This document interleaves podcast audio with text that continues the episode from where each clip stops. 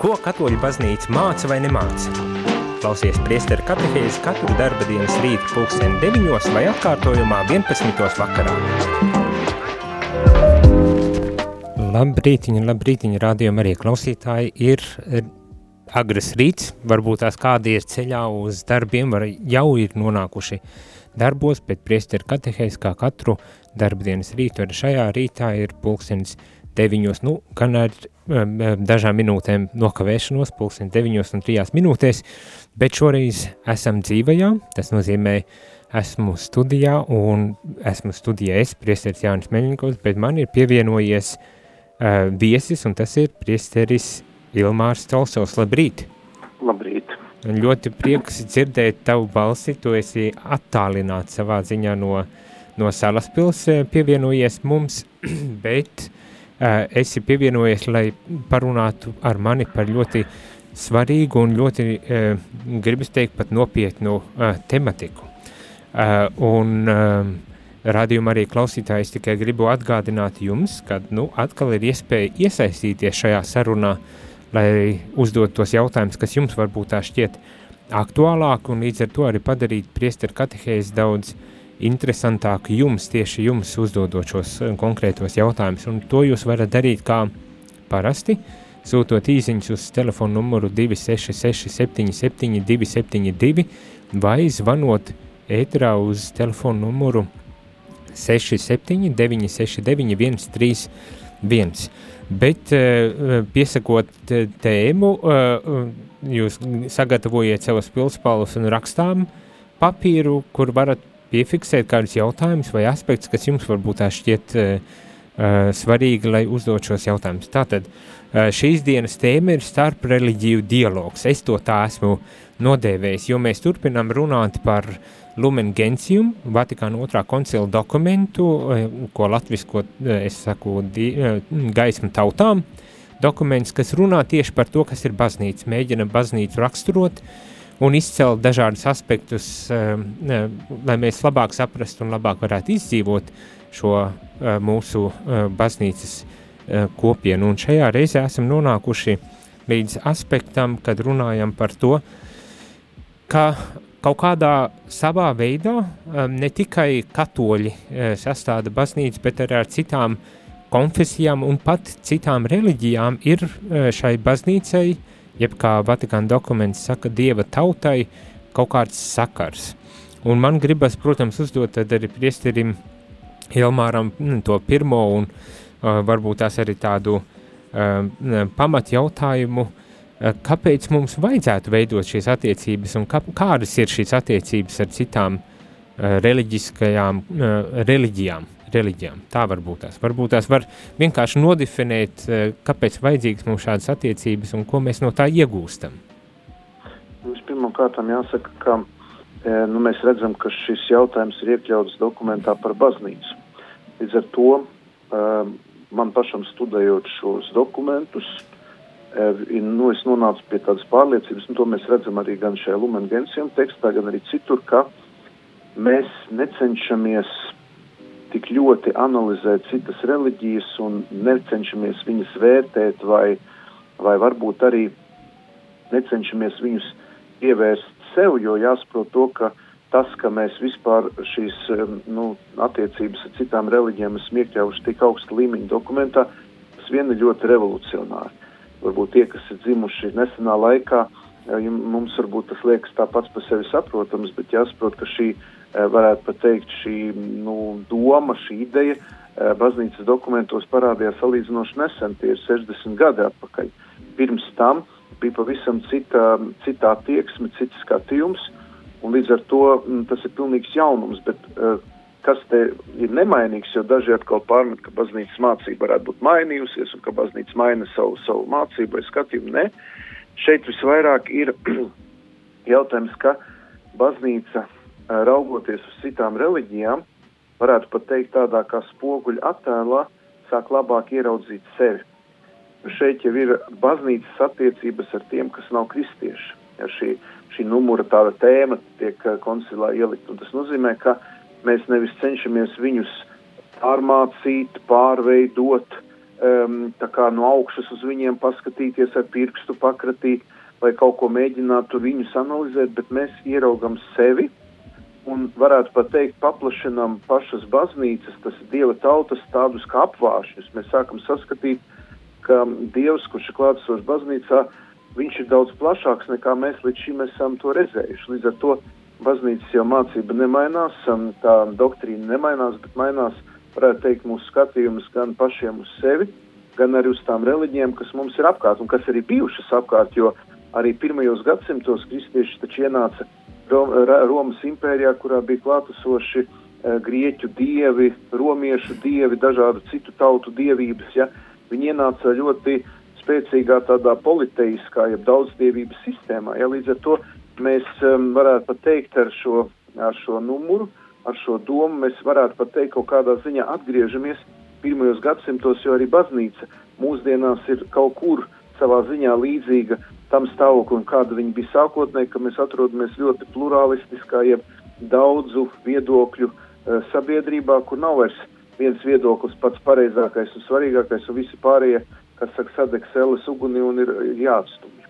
Un šajā gadījumā man arī eh, gribējās prasīt, jo eh, iepriekšējās katehēzēs runājos ar citiem viesiem par to, ka ārpus baznīcas nav pestīšana. Šis dokuments parāda to, ka uh, pestīšana, eh, nu, eh, tā, vispirms, ka baznīca kā tāda izpratne ir daudz plašāka, un otrs, ka tā pestīšana kaut kādā dieva plānā tomēr tiek uh, dota.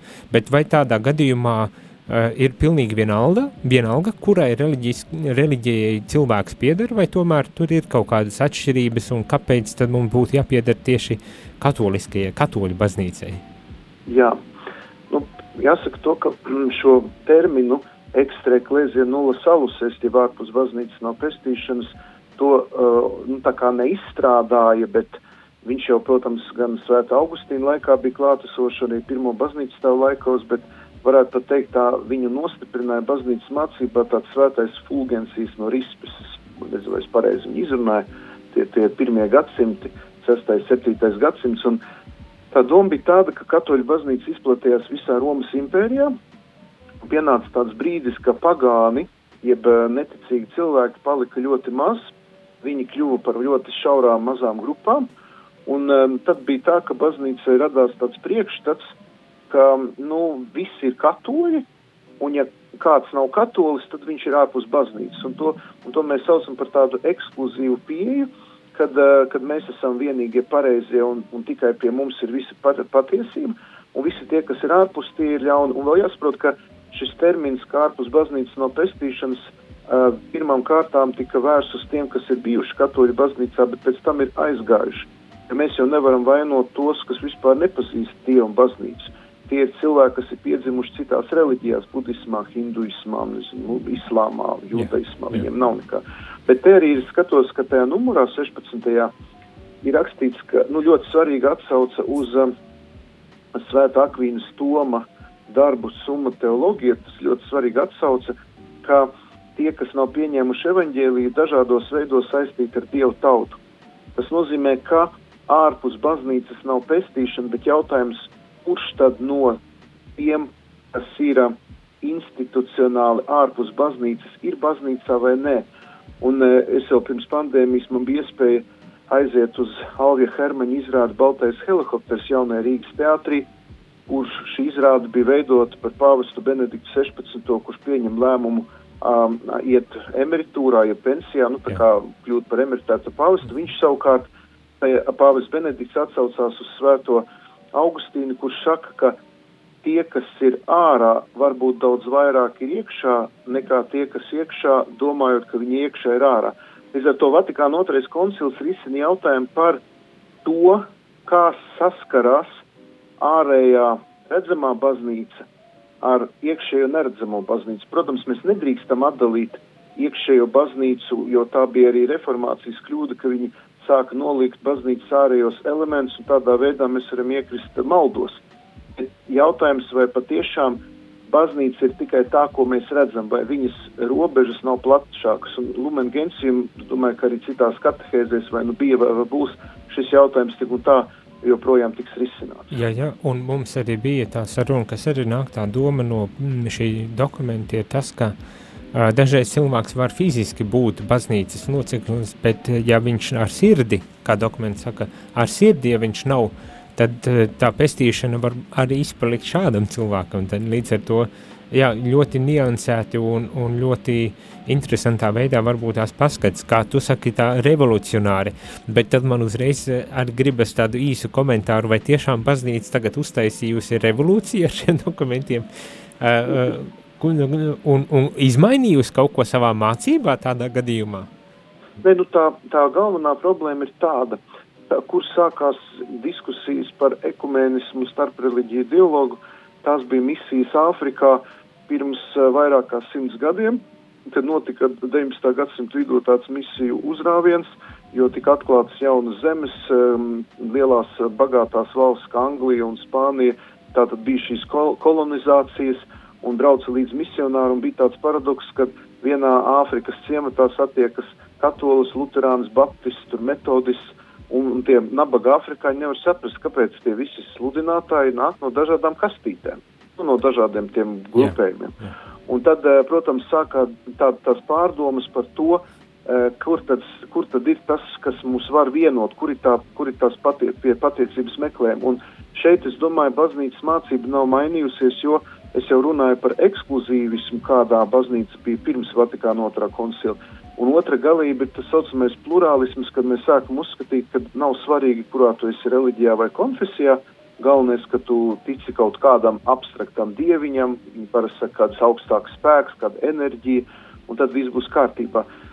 Un eh, mēs eh, tātad pēc Vatikāna otrā koncila mācības pieturamies pie tā saucamās inkluzīvās, jeb iekļaujošās pieejas, kas nozīmē, ka mēs joprojām ticam un mācam, ka Romas katoliskajai baznīcai ir pestīšanas pilnība. Tātad, ka mēs e, nesam sevi, Jēzus Kristus nes to atklāsmu, dievišķu atklāsmu, ka mums ir šī patiesības pilnību, ka Dievs mums ir visu atklājis caur savu dēlu Jēzu Kristu viņa baznīcā. Uh -huh, uh -huh. Bet mēs redzam, un šeit mēs redzam arī tādus, kā, ziniet, ka akmentiņi iemet ūdenī, veidojas tādi apļi, tādus koncentriskus apļus, mēs redzam, ka šie katoliskie pestīšanas dārgumi kaut netiešā, nepilnīgā veidā ir klātesoši gan citās konfesijās, gan, protams, vēl mazākā veidā arī citās reliģijās.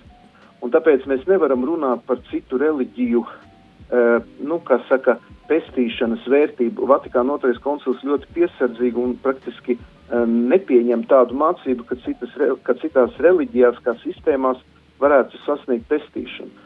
Bet koncils runā, un te ir atsevišķi arī dokuments, kas ir nostrēta, nu, kas ir veltīts citām reliģijām, viņi runā par iespēju uh, citās reliģijās esošam individam sasniegt pestīšanu, ja viņš seko savai sirdsapziņai, un ja viņš netiešā veidā realizē, īsteno, jeb, jeb bauda, jeb pieņem e, kādus no šiem katoliskiem pestīšanas elementiem. Tas nozīmē līdzīgi kā šis drupačas, kas nokrīt no, no galda, kur šī, šī sieviete, kas neatlaidīgi lūdza, lai Jēzus viņai pieskartos vai lai dziedinātu, ja, tad uh, viņš saka, ka uh, ir šīs katoliskās pestīšanas bagātības pārsniedz redzamās baznīcas robežas, iesniedzis arī citu konfesiju brāļu māsu sirdīs un vēl tālāk arī citu reliģiju sekotāju sirdīs. Noslēpumainā veidā, jā.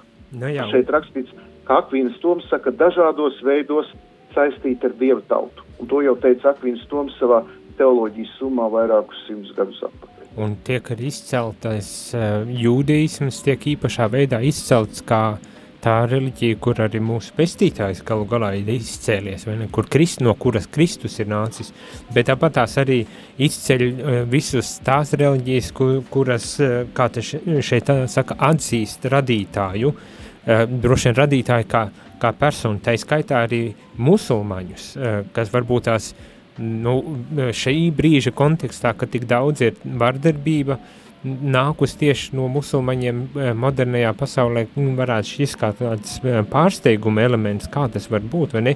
Bet tad arī turpina un saka, ka arī eh, tie, kas dzīvo pēc sirdsapziņas, nu es tā ļoti vienkāršot pārfrāzēju, tie, kas dzīvo saskaņā ar savu sirdsapziņu meklē Dievu, kad ar tie ir kaut kādā savā veidā saistīti ar šo Dieva tautu. un Dievu tautu šeit saprotot arī e, baznīcu. Mēs e, paturpināsim šo sarunu o, pēc mazas muzikālās pauzītes, bet tu rādījumu arī klausītāji, ja vēlies iesaistīties uh, šajā sarunā ar savu jautājumu priesterim Ilmāram, uh, tad uh, to tu vari darīt uh, sūtot īsiņas uz telefonu numuru 266 77 272 vai zvanīt ēterā uz telefonu numuru 679 69 131. Atgriezīsimies pēc mazās muzikālās pauzītes, lai turpinātu šar, sarunu par to, kā tad veidot attiecības ar citām reliģijām kāpēc tas būtu vajadzīgs un ko mēs iegūstam no tā, bet tu, dārgais radio klausītāji, vari pa to laiku izdomāt savu jautājumu, uzrakstīt un iesūtīt vai arī zvanīt uz studiju. Muzikālā pauzīte. Thank you.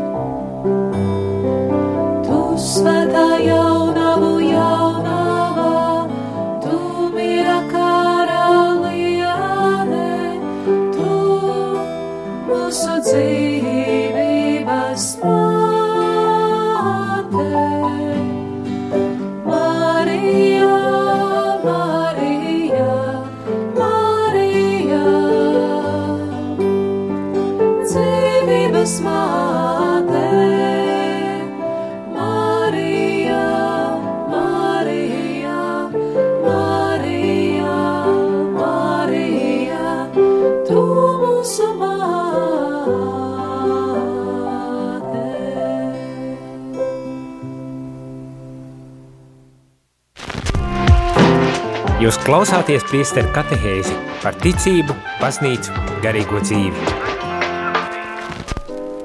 Labrīt, rādījumā arī klausītāji esam atpakaļ ēterā, studijā esmu es, priesteris Jānis Meļņikovs, un man ir pievienojies šajā rītā priesteris Ilmārs no Salaspils. Labrīt! Labrīt! Mēs turpinām sarunu par uh, baznīcu, tādā lielā, plašā izpratnē, bet šodien jo īpaši pievēršotos jautājumam par to, kā veidot attiecības ar citām reliģijām, vai tās būtu jāveido un kādā veidā to vislabāk varbūt tās varētu darīt. Tas varētu būt arī nu, jautājums, kuru tad uh, mēs gribam paturpināt šeit šajā sarunā. Tu, dargo rādījumu arī klausītāji, vari iesaistīties šajā sarunā, uzdodot savus jautājumus, vai varbūt tās padaloties arī ar savu pieredzi, kā ir bijis sastapt citu reliģiju cilvēkus. Uh, un kādas ir bijušas šīs pieredzes. Un to tu vari darīt sūtot īsiņus uz telefonu numuru 266 77 272 vai zvanot ēterā uz telefonu numuru 67 969 131. Mēs esam saņēmuši pāris īsiņas, uh, kur uh, es tik ātri pārstāstīšu, un varbūt tās, ja Presija Ilmāra tev ir kāda refleksija, protams, tu vari uzreiz dot arī kaut kādu um, īsu uh, atbildīti. Kāpēc es saku īsi, jo uh, īziņas ir nedaudz par citām tematikām, ne tieši tās, tā, kuru mēs šobrīd at, apskatām, bet vienmēr sakot, ir vispirmām kārtām sirsnīga pateicība par, par šo skaidrojumu. Viens no klausītājiem raksta, kad kļūst skaidrāk šis jautājums. Ir kāds cits, kas saka, ja gadījumā rādījuma arī klausītāji jūs vēlaties uh, līdzi lasīt šos dokumentus, kurus mēs šī gada uh, priesteru katehēzēs mēģināsim lasīt lienītiņām un uh, skaidrot, uh, ko te baznīca māca tādā ļoti autoritatīvā veidā, tad to var darīt iegādājoties pašu grāmatu, tā ir diezgan liela un smaga grāmata, uh, varbūt tās nobīties uzreiz var, bet tik un tā ir tā vērts, lai varbūt tās tiem, kuriem tiešām interesē to arī darīt un varētu sekot līdzi um, visiem tiem punktiem, par kuriem mēs šeit runājam, kas varbūt dažbrīd arī šķiet tik abstrakti, vai meklēt to arī Vatikāna mājaslapā, atrast šos dokumentus internetā, citiem vārdiem sakot, un mm, savā ziņā nemaksājot neko, arī lasīt kopā ar mums. Bet vēl viena uh, vai viņš vai viņa, nezinu, klausītājs uh, raksta, kad ir uh, iepazinies ar pareisticīgo, um, ar lūkšanu veidiem un ļoti ieinteresēts ir par pareisticīgo baznīcu un uh, tas jautājums principā ir par to, kad ir izveidojies, kādas ir atšķirības starp uh, katoļiem un pareisticīgajiem.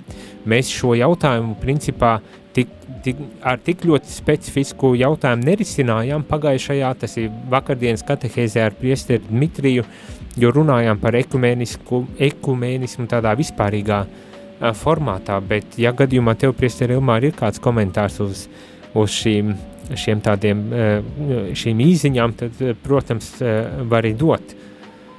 Nu, par pareizību ir tā, ka tā bija tāda pirmā lielā traģiskā uh, šķelšanās drāma 1504. gadā. Jāsaprot, ka viņi izraisīja vairāk pat filoloģisks jautājums, nu, divi, divas lielas, lielas lietas. Tātad filoloģisks jautājums saistībā ar filioku, jeb vai nu tēvs iziet no tēva, tātad vai nu svētais gars iziet no tēva un dēla vai no tēva caur dēlu protams, teoloģisks nianses, kuras tā negribu dziļāk analizēt, bet, protams, tā bija arī eh, gadu desmitiem un simtiem notikusi atsvešināšanās, Konstantinopolis un Romas atsvešināšanās, kas beigās nu, nu, rezultējās arī ar politisku un pēc tam ar teoloģisku šķiršanos. Bet jāsaka, ka pareizīgā baznīca no visām kristīgajām konfesijām mums ir vistuvākā. Arī ja pāvis svētais pāvis Jānis Pauls II sauca pareizīgo baznīcu par baznīcu māsu un um, baznīca elpo ar divām plaušām, austrumu rietumu plaušām. Es domāju, ja nebūtu mūsdienu šis politiskais konteksts, mēs noteikti ar pareizīgo baznīcu būtu vēl, vēl daudz ciešākās ekumeniskās attiecībās. Tā kā mums no teoloģiskā, liturģiskā, nezinu, no cita veida viedokļiem, garīgā viedokļa, pareizīgā baznīca mums ir vistuvākā. No. Bet es vēl gribēju pateikt tādu lietu, svarīgu lietu attiecībā uz šo 16. numuru un vispār uz uh, starp, starp reliģija dialoga ienākšanu Vatikāna otrā koncila mācībā es painteresējos, jo man saistībā ar savu disertāciju vajadzēja analizēt visu, kā šie teksti tika veidoti un kā notika viņu, var teikt, būvniecība. Jo mēs tagad lasām šo tekstu, mums izskatās ļoti skaisti te teikumi, bet jāsaprot, ka šie teikumi radās daudzu gadu garumā ar milzīgām cīņām. Ka, es negribu lietot vārdu kautiņiem, jo šajā koncilā, atšķirībā no citiem, nenotika fiziska roku palaišana. Kaut citos koncilos baznīcas tēvi esot arī kāvušies. Jā, Bet, nu, žēl, lai to vēsturnieki vairāk analizē. Bet uh, bija tiešām, un ko es varu teikt, ka šajā tekstā ir uh, mēģināts savienot tradicionālo un nemainīgo, pat nelietošu vārdu tradicionālo, nemainīgo baznīcas mācību ar mainīgo tradīciju. Un mēs, mēs zinām to, ka ir eh, baznīcas iekšienē arī tādas grupas, kas uzskata, ka Vatikāna otrais koncils ir sagrāvis uh, seno baznīcas tradīciju, ienesis revolūciju, ir kļuvis liberāls un ka tagad tā vairs nav tā baznīca, kādu nu, sludināja Kristu, tās ir pilnīgas muļķības. Koncils saglabā tātad šo nemainīgo mācību, bet tradīcija nekad nav statiska. Un šeit mēs redzam, ka, piemēram, daudziem cilvēkiem bija, nu, no daudziem cilvēkiem izskanēja pārmetums, jo pēc Vatikāna otrā koncila bija krīze, jo varētu šķist, ka, tad, ja mēs pieņemam šo mācību, kādu šeit rakstīt, nu, ka um, citās reliģijās, nu, pirmkārt, konfesijās un reliģijās ir tā saucamās dieva vārda sēklas. Un šeit 34. atsauce tam 16. numuram ir atsauce nu, uz Eusēbiju no Cezarejas un viņiem ir darbs preparācija evaņģēlika, tas ir sagatavošana evaņģēliem. Un pirmo gadsimtu baznīcas tēvi runāja par tā saucamajām noslēpumainajām dieva vārda sēklām, semenverdi, verbi, logos spermatikos, kas noslēpumainā veidā ir klātesošas citās, citu, citu uz pasaules uzskatu, citu filozofiju, citu reliģiju sekotāju sirdīs. Un uh, bija tāda, tāds priekšstats, nu, varēja rasties, ka tad jau nevajag braukt misijās. Kāpēc vajag sludināt par Jēzu Kristu, kurš ir miris un augšām cēlies jūdam, musulmanim, budistam, hinduistam? Nu, viņi arī noslēpumainā veidā ir klātesoši ar baznīcu sasaistīti, varbūt attālināti, bet kaut kā sasaistīti. Ja? Kāpēc, kāpēc tad vajadzīgs tad misijas? Un te ir ļoti spēcīgi pašās beigās, 16. numura beigās, ir, var, var redzēt, ka noteikti, ka koncili tēvi sāka bļaustīties svētā Pētera bazilika saulā. Nu, es to tā jūtu burtiski, ja? jo visu laiku runāts par to, ka, ka, kad mums, ar mums ir jūdi, ar mums ir musulmaņi, arī tie, kas nepazīst Kristu, ka viss ir ļoti jauki, ka viss, kas viņos ir labs un patiesa baznīca, uzskata par ceļu sagatavošanu evaņģēliem un tā tālāk. Un tad beigās ir tā kā pievienots Tāpēc, lai vairotu dieva godu un veicinātu visu cilvēku pestīšanu, baznīca atcerēdamas kunga vārdu sludiniet evaņģēlu visām tautām, visiem spēkiem cenšas atbalstīt misijas. Un uzreiz 17. numurs seko baznīcas misionāri iezīme. Nu, jā. to gribu pateikt. Es gribu pateikt to, ka nevajag domāt, ka koncils kaut ko izmainīja no mūsu um, nu, dievišķās atklāsmes vai no tās patiesības, ko atnesa Kristus.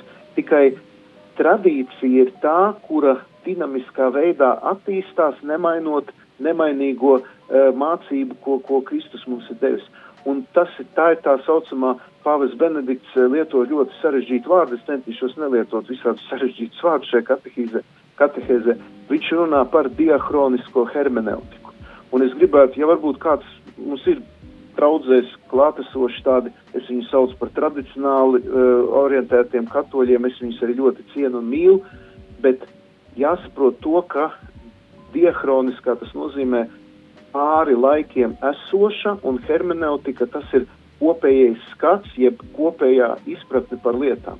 Un tāpēc koncils viņš ieved mūs daudz dziļākos ūdeņos. Viņš aptver visus baznīcas gadsimtus, sākot no pirmajiem līdz pēdējiem. Mēs nevaram iestrēgt tikai pie um, um, Fulgencija no Rispes vai no Svētā Akviņas Toma. Viņš sa, sa, sa, savieto visus šos elementus kopā. Un tas, ka pēc 16. numura 6 seko 17. kurš runā par misijām, tas vien parāda to, ka nu, nav tā, ka tagad nevajag sludināt evaņģēliju jūdiem, musulmaņiem vai citiem, bet sludinot viņiem, mēs apzināmies, ka viņos jau ir klātesošais Dieva vārda sēklas, ka viņi jau svētā gara spēkā jau ir gatavoti, ka viņos jau ir tas labais, tas skaistais, ka viņos jau ir kaut kas no evaņģēlija. Un tad attiecības ar šo citu reliģiju sekotājiem vairs nav karojošas, vairs nav agresīvas, vairs nav augstprātīgas, bet ir uz pavisam citas dialogā balstītas platformas. Burvīgi. Tā tad netiek mainīts nekas, bet principā tā, savā veidā mēs atpazīstam Dieva darbību arī citās reliģijās un to, kā Dievs vada mūs uz vienu Dieva tautu un, un uz vienu pestīšanu. Bet, starp citu, man radās tāda doma, kad ir vērts arī paskaidrot radījumu arī klausītājiem par atšķirībām starp reliģiju dialogu un ekumēnismu, kad Viens ir ekumenisms, tas ir starp kristīgajām reliģijām uh, un kristīgajām konfesijām, piedošana, kristīgajām konfesijām, tāpat pareizticīgi, luterāņi, baptisti un, un daudzi, ļoti daudzi citi, un tas ir atkal drusku citādāk, bet, kad mēs runājam par reliģijām, tās ir uh, Uh, tas ir pavisam cita atkal uh, kategorija, uh, un, un musulmaņu, jūdeisms, hinduisms, budisms, ja to uzskata par reliģiju un tā tālāk, tad ar to, nu, ka tās ir divas dažādas realitātes. Tas man šķiet, ka bija svarīgi uz, uz, izcelt, jo dažbrīd cilvēkiem šķiet rodas priekšstats, ka tas ir viens pilnīgi neizšķ, neizšķirot nekādā veidā. Jā, tāpēc, kad arī kanoniski kanonisko tiesību kodeks ļoti skaidri un arī baznīcas mācību nodala, ka ekumēnisms ir kristiešu starpā, starp tiem, kuri tic, ka Jēzus Kristus ir iemiesojies, tad seko Jēzum Kristum kā vienīgajam pestītājiem glabējiem, un uh, reli starp reliģiju dialogs ir gan ar monoteiskām reliģijām, tad monoteiskās ir jūdaisms un islams, tāpēc arī šajā 16. numurā tiek izcelts jūdaisms un islams, jo viņi ir ne kristieši, bet tic vienam dievam. Un tad seko visas pārējās politeiskās un arī budismas, kas vispār ir robežojas starp reliģiju un filozofiju un tā tālāk. Ja. Un te ir ļoti būtiski, piemēram, mums ir lielas problēmas, es tā personīgi domāju, ir tādi, es nezinu, kā viņus nosaukt, es negribu reklamēt šeit sektas, ja, nu ir divas kustības ļoti agresīvas, kas ir Jehovas liecinieki un mormoņi, ja, kas it kā piesauc Jēzus vārdu, bet par kristiešiem viņus nevar saukt, jo viņi ja, principā ir izkropļojuši svēto trīsvienību, un, un piemēram, jehovistiem Jēzus vairs nav otrā trīsvienības persona. Tad jautājums, kurš šos te sekotājs, vai viņus īsti pie kristiešiem viņus nevar likt, jo viņus arī nevar aicināt uz ekumeniskiem dievkalpojumiem, bet it kā, nu, reliģija arī viņi nav, ja? Tāpēc es domāju, vispār tas dalījums starp eh, konfesijām un kristiešu denominācijām, kas ļoti dažādas, ir arī tādas agresīvas un destruktīvas, eh, kur pat iesaistās drošības policija un, nu, kas saka, dienesti, ja, kuras veids dažādas pat nelikumīgas darbības, ja. Un tad ir arī, protams, reliģijas, kur arī šis spektrs ir ļoti plašs, ja. Tā kā mēs redzam, ka mēs atrodamies pasaulē, kas ir ļoti pārsātināta ar dažādiem reliģiskiem grupējumiem, ka dažos gadījumos pat, nu labi, protams, ka par lielajām, es saku, reliģijām ir skaidrs, Bet, ja sākās kaut kādas tādas grupas, kur mums jādomā, vai viņi ir kristieši vai nav, vai viņi pieder tam vai citam, nu, tas nav viegls jautājums. Bet, protams, ka teoloģiski tiek sadalīts, jeb nodalīts šīs, šīs lietas, ja, un vispārējos vilcienos, jā, ekumēnisms ir starp dažādu konfesiju kristiešiem, a starp reliģiju dialogs ir starp gan mono, nu, kristiešiem un monoteiskām reliģijām, un kristiešiem un visām pārējām politeiskām, jeb daudzdievības, jeb dažādām citādām pat filoz reliģiski filozofiskām sistēmām. Nu jā, bet uh, viens no jautājumiem, kas ir uh, tādā gadījumā, kāpēc mums vispār veidot šo dialogu un ko mēs iegūstam no šī dialoga? Vai kas iegūst no šī dialoga? Jā, tātad pirms Vatikāna otrā koncila uh, bija, es negribu lietot tādus smagus vārdus, jāizvēlās tādu vienkāršāku, lai es ne, nekļūstu par traku tur, lai nesanāk, ka es visādas trakas lietas runāju. Jā, no tie... Piemēram, pirms Vatikāna otrā koncila bija tāda problēma, ka e, bija valstis, nu, ir valstis, piemēram, Itālija, nu, tagad Francija mazāk, bet tur Spānija, kuras tika sauktas par katoliskām valstīm. Un pirms Vatikāna otrā koncila tika veidota tāda teoloģiska nostāja, ka katoliskajās valstīs pat bija katolisks karalis, un katoļu baznīcai šajās valstīs e, eksistēja privilēģijas. Katoļi bija privileģētāki. Viņiem bija dažādas iespējas. Un pārējām citām konfesijām vai pat reliģijām viņas bija otrās šķiras līmenī un kaut kādā ziņā pat vajātas. Protams, senākos viduslaikos daudzi, mēs zinām, ka ebreji tika vajāti no, no katoļu puses, kur arī pāvesti ir lūguši piedošanu un tā tālāk. Ja? Bet tad, kad katoļi nonāca musulmaņu zemēs, kur viņi bija minoritāte, baznīca uzstāja, lai katoļiem tik nodrošināts visas tiesības uz reliģijas brīvību. Un Vatikāna otrā koncilā jautājums par reliģijas brīvību bija viens no šķēpu laušanas jautājumiem. Daudzi to nemaz nezina, ka konservatīvais spārns, tur bija tāds kardināls Rufīni un vēl Sīrija un arī tas pats Lefebvres, viņi ļoti baidījās no reliģiskās brīvības jautājums, jo tas nozīmē, ka reliģiskā brīvība, ja brīvība uh, realizēt savas nu, reliģiskās tiesības, ir jārespektē gan tajās zemēs, kur katoļi ir vairākumā, gan tur, kur katoļi ir mazākumā, un otrādi. Līdz ar to koncils nostādīja visus vienā līmenī un teica, mums nav šeit privileģēta stāvokļa, un tas arī baznīcē lika, varētu pat teikt, nokāpt no sava monarhiskā troņa, jo pēc Vatikāna pirmā koncila, kad tika pasludināta dogma par pāvesta nemaldību, bija tāda sajūta, ka katoļu baznīca uziet tā kā raķete kosmosā, ka viņi ir triumfāla, monarhiska, ka viņai vienīgai pieder patiesības pilnība ka visi pārējie ir jānosod, tik veidoti nepareizo grāmatu indeksi. Ja? Pašā baznīcas iekšēnē notika tāda, varētu pat teikt, nu, tāda, ka katrs baidījās vispār kaut ko ne tā pateikt. Un tomēr koncils mums aicina saprast, ka mēs dzīvojam pasaulē, kuru valda ļoti liela dažādība. Un pat ja mums ir šī, mēs apzināmies, ka mums ir šī pestīšanas pilnība un attiecībā uz dievišķo atklāsmu mums ir šī pilnība, es tomēr esmu aicināts iziet pretī otram cilvēkam un šis dialogs mums māca, es vēlreiz saku, spoguļa veidā ieraudzīt pašiem sevi. Jo šīs citas konfesijas un arī reliģijas palīdz mums labāk saskatīt sevi, jo kur slēpjas tā lielākā atslēga, ka citās konfesijās arī mēdz būt, katu, nevis mēdz, bet ir katoliskie pestīšanas elementi nepilnīgā veidā. Citās reliģijās ir daudz mazāk, bet arī ir. Un kā, kur slēpjas tas paradoks, ka daudzus pestīšanas elementus, kuri mūsu baznīcā varbūt ir tādi nu, nosūbējuši, ar putekļiem apklājušies, mēs viņus tā nepamanām. Citās konfesijās šos mūsu katoliskos pestīšanas elementus šī konfesija vai reliģija izkop daudz spēcīgākā veidā nekā mēs. Un redzot šajās citās konfesijās vai reliģijos, kā viņi, tiem kā musulmaņi lūdzās uz ceļiem piecreiz dienā kā viņi tur um, gavē. Ja? Mēs, paši, mēs, paši varam, mēs paši varam par to padomāt, kad nu, vienkārši nu, kā mēs uz to attiecamies. Kāda ir, kāda ir mūsu attieksme attiecībā pret to? Tātad uh, viens ir tas, kad uh, šis dialogs palīdz mums pašiem sevi ieraudzīt un, un novērtēt un mācīties varbūt tās kaut kādā veidā augt arī pašiem, bet otrs droši vien arī tas, ka caur šo dialogu mēs uh, kopīgi meklējam un, un cenšamies um, iet tajā pareizajā virzienā vai, kā teikt, tuvoties Dievam. Un cerams, ka Dievs tad ir tas, kurš arī aizved mūs līdz, nu, līdz tai pestīšanai, kas jā, ir Iznāk, ka baznīca caur šo dialogu kļūst pazemīgāka. Mēs sākam apzināties, ka mēs neesam vienīgie, ka mēs neesam paši gudrākie, mums ir šī pilnība, bet mēs, diemžēl, arī gadsimtu vēsturi to parāda, mēs nevienmēr visu līdz galam vēl saprotam, un, un tā, tā, tās citas konfesijas reliģijas liek mums da, uzdot pašiem daudz jautājumus, meklēt atbildes, un tādā veidā mēs varētu pat teikt caur viņiem noslēpumainā veidā sākam padziļināt savu dievišķās atklāsmes izpratni.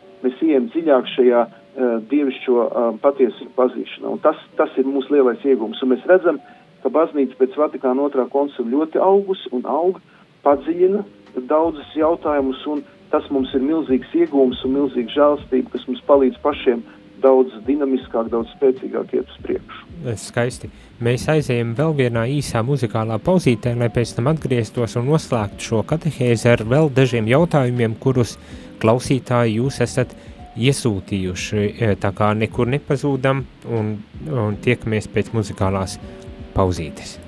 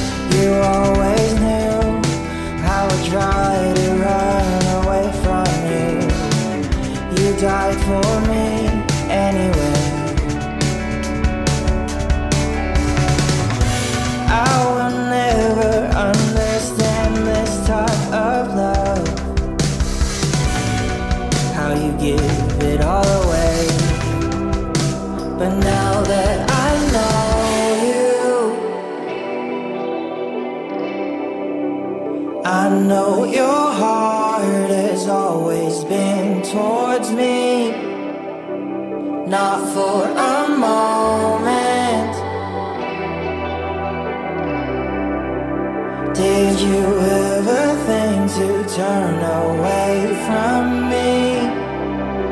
I wanna walk beside you.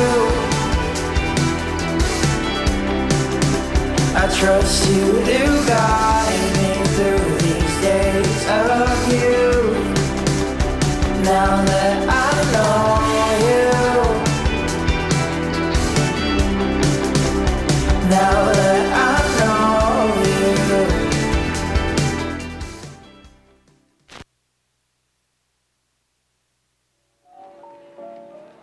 Labrīt, rādījuma arī klausītāji, esam atpakaļ ēterā un turpinām priesteru katehēzi. Šajā rītā sarunājoties, uh, es, priesteris Jānis, sarunājoties ar priesteri Ilmāru no Salaspils. Un runājam par starp reliģiju dialogu. Baznīca uh, attīstas un, un attīstas aug un pilnveidojas un Un viens no tādiem veidiem, kā šis process notiek, ir arī šis starpreliģiju dialogs, cik mēs varam un spējam savstarpējā dialogā augt un pilnveidoties, un varbūt tās ir vest aizvien vairāk cilvēks pie, pie Dieva un pie pestīšanas. Bet šajā noslēguma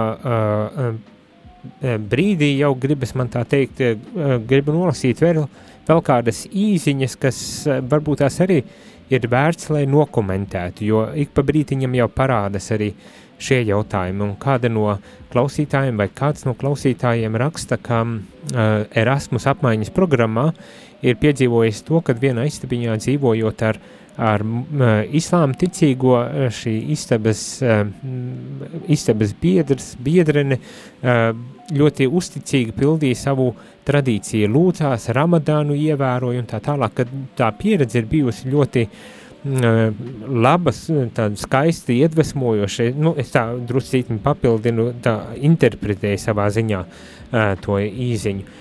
Un, un vai tad arī nav bijis tā, kad uh, mēs kā katoļi ticīgie ar tādu ekstrēmismu dažbrīd nesam nodarījuši uh, tikpat lielu ļaunumu, kā, kā šad, tad mums nākas dzirdēt par islām ticīgajiem un viņu tādu e, ekstrēmo ticības e, praktizēšanu. Man šķiet, ka šis ir tāds, ja, padalīšanās ar savu pieredzi, redzot un sastopoties ar uh, ar uh, islāma ticīgo, kas uzticīgi turas pie savas tradīcijas un praktizē savu par, m, tradīciju.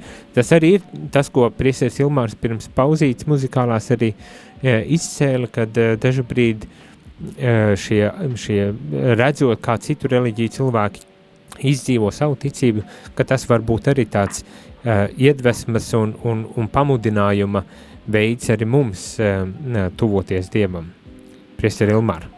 Jā, e, jāsaprot to, ka e, nu, mēs jau esam ekstrēmisti bijuši vai dieniņās, mums ir krustakāra inkvizīcijas, ko tik mēs neesam kurinājuši un kas tik mums nav bijis. Un tagad, kad notiek šie pārmetumi islāmam, jāsaprot to, ka jānošķir tātad reliģiskās ticības, jeb sekotāji kā individu un, nu, protams, reliģija kā sistēma.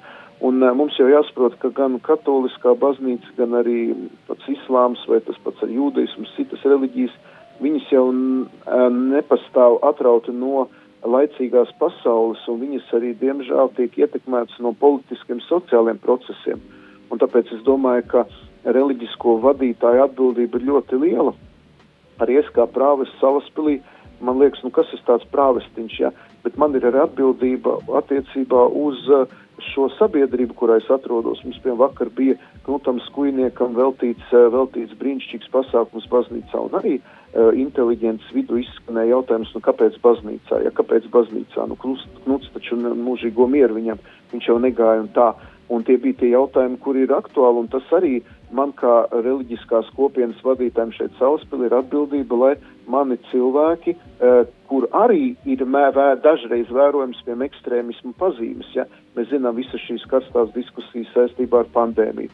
Tagad, piemēram, kara situācija. Man ja, svētā mise notiek svētdien Krievu valodā deviņos, un mums arī tur šeit tad uzplaiksnī dažādi viedokļi ir ģimenes no Ukrainas vienā baznīcas soli pusē, otrā pusē dažas kvēlas Putina aizstāves, ja.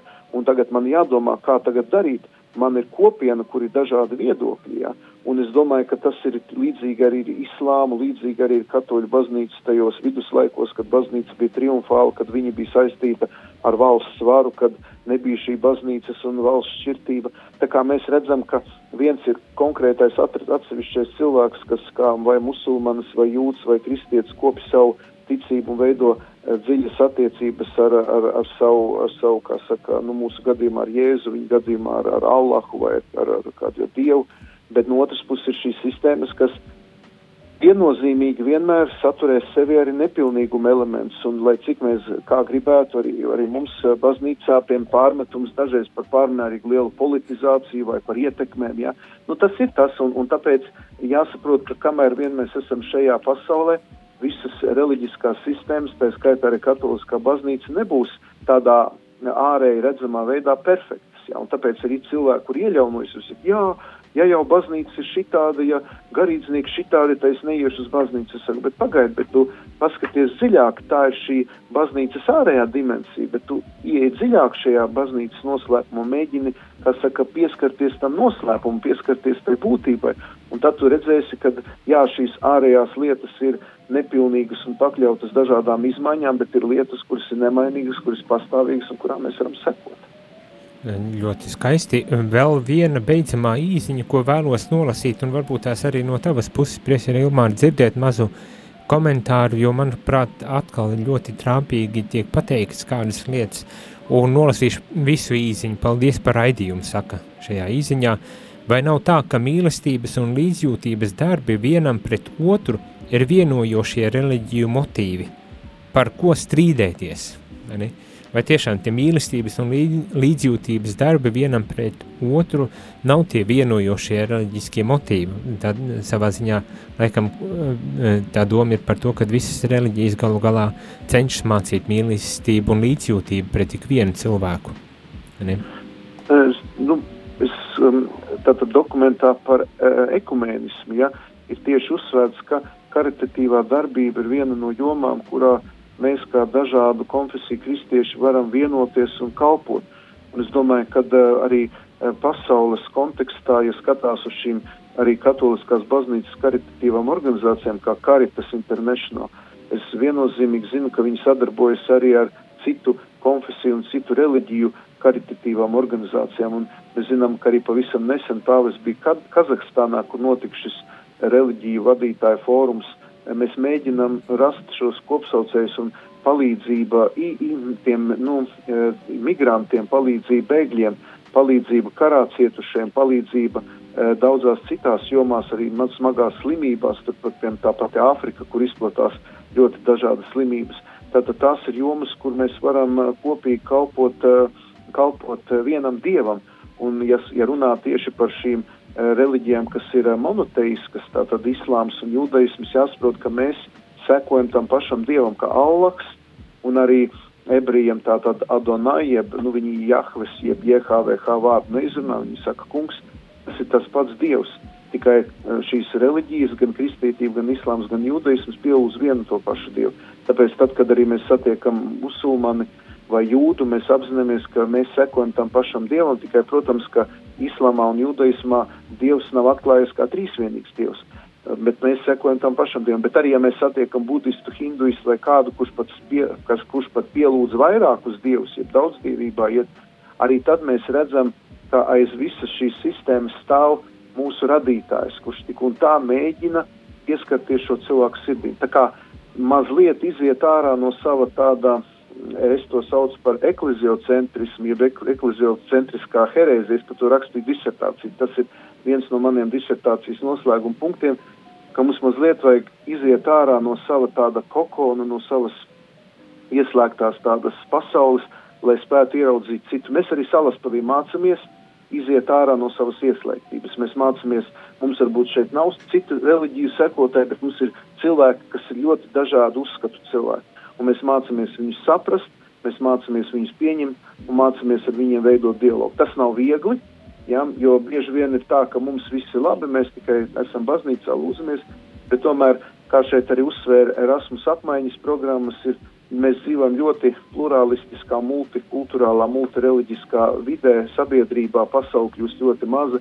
Līdz ar to šī sadarbība, īpaši karitatīvā, žēlsirdības, mīlestības jomā, ir ļoti, ļoti būtiska. Sirsnīgs paldies, Priesteri Ilmār, par to, ka bija kopā ar mums šajā katehēcē. Dārgie rādījumi arī klausītāji, diemžēl šī rīta laiks ir izticējis, bet tiešām gribas noslēgt ar šo atziņu par to, ka mīlestībai un līdzjūtībai vienam pret otru ir jāvalda un reliģijai ir jākalpo, lai šo mīlestību un līdzjūtību tiešām nestu tur, kur tā ir visvairāk vajadzīga. Varbūt šajā brīdī, tajā mūsu vidē, kur mēs esam ģimenē, draudzē, e, valstī, arī Ukrainā, tā skaitā, lai tiešām valdītu un lai e, mēs varētu caur šo savstarpējo dialogu un attiecībām iepazīt aizvien vairāk Dievu un turoties arī šim Dievam. E, vēlreiz, Priesteri Ilmār, paldies, ka bija un ceru Paldies, uz citām reizēm. Paldies, Krasarīns. Un ar rādījumu arī klausītājiem mēs jau tiksimies rīt no rīta, lai turpinātu sarunu par to, kas tad ir baznīca un iepazītu aizvien vairāk un dziļāk šo skaisto un krāšņo realitāti e, baznīcu. Ar Dievu līdz rītam. Tā.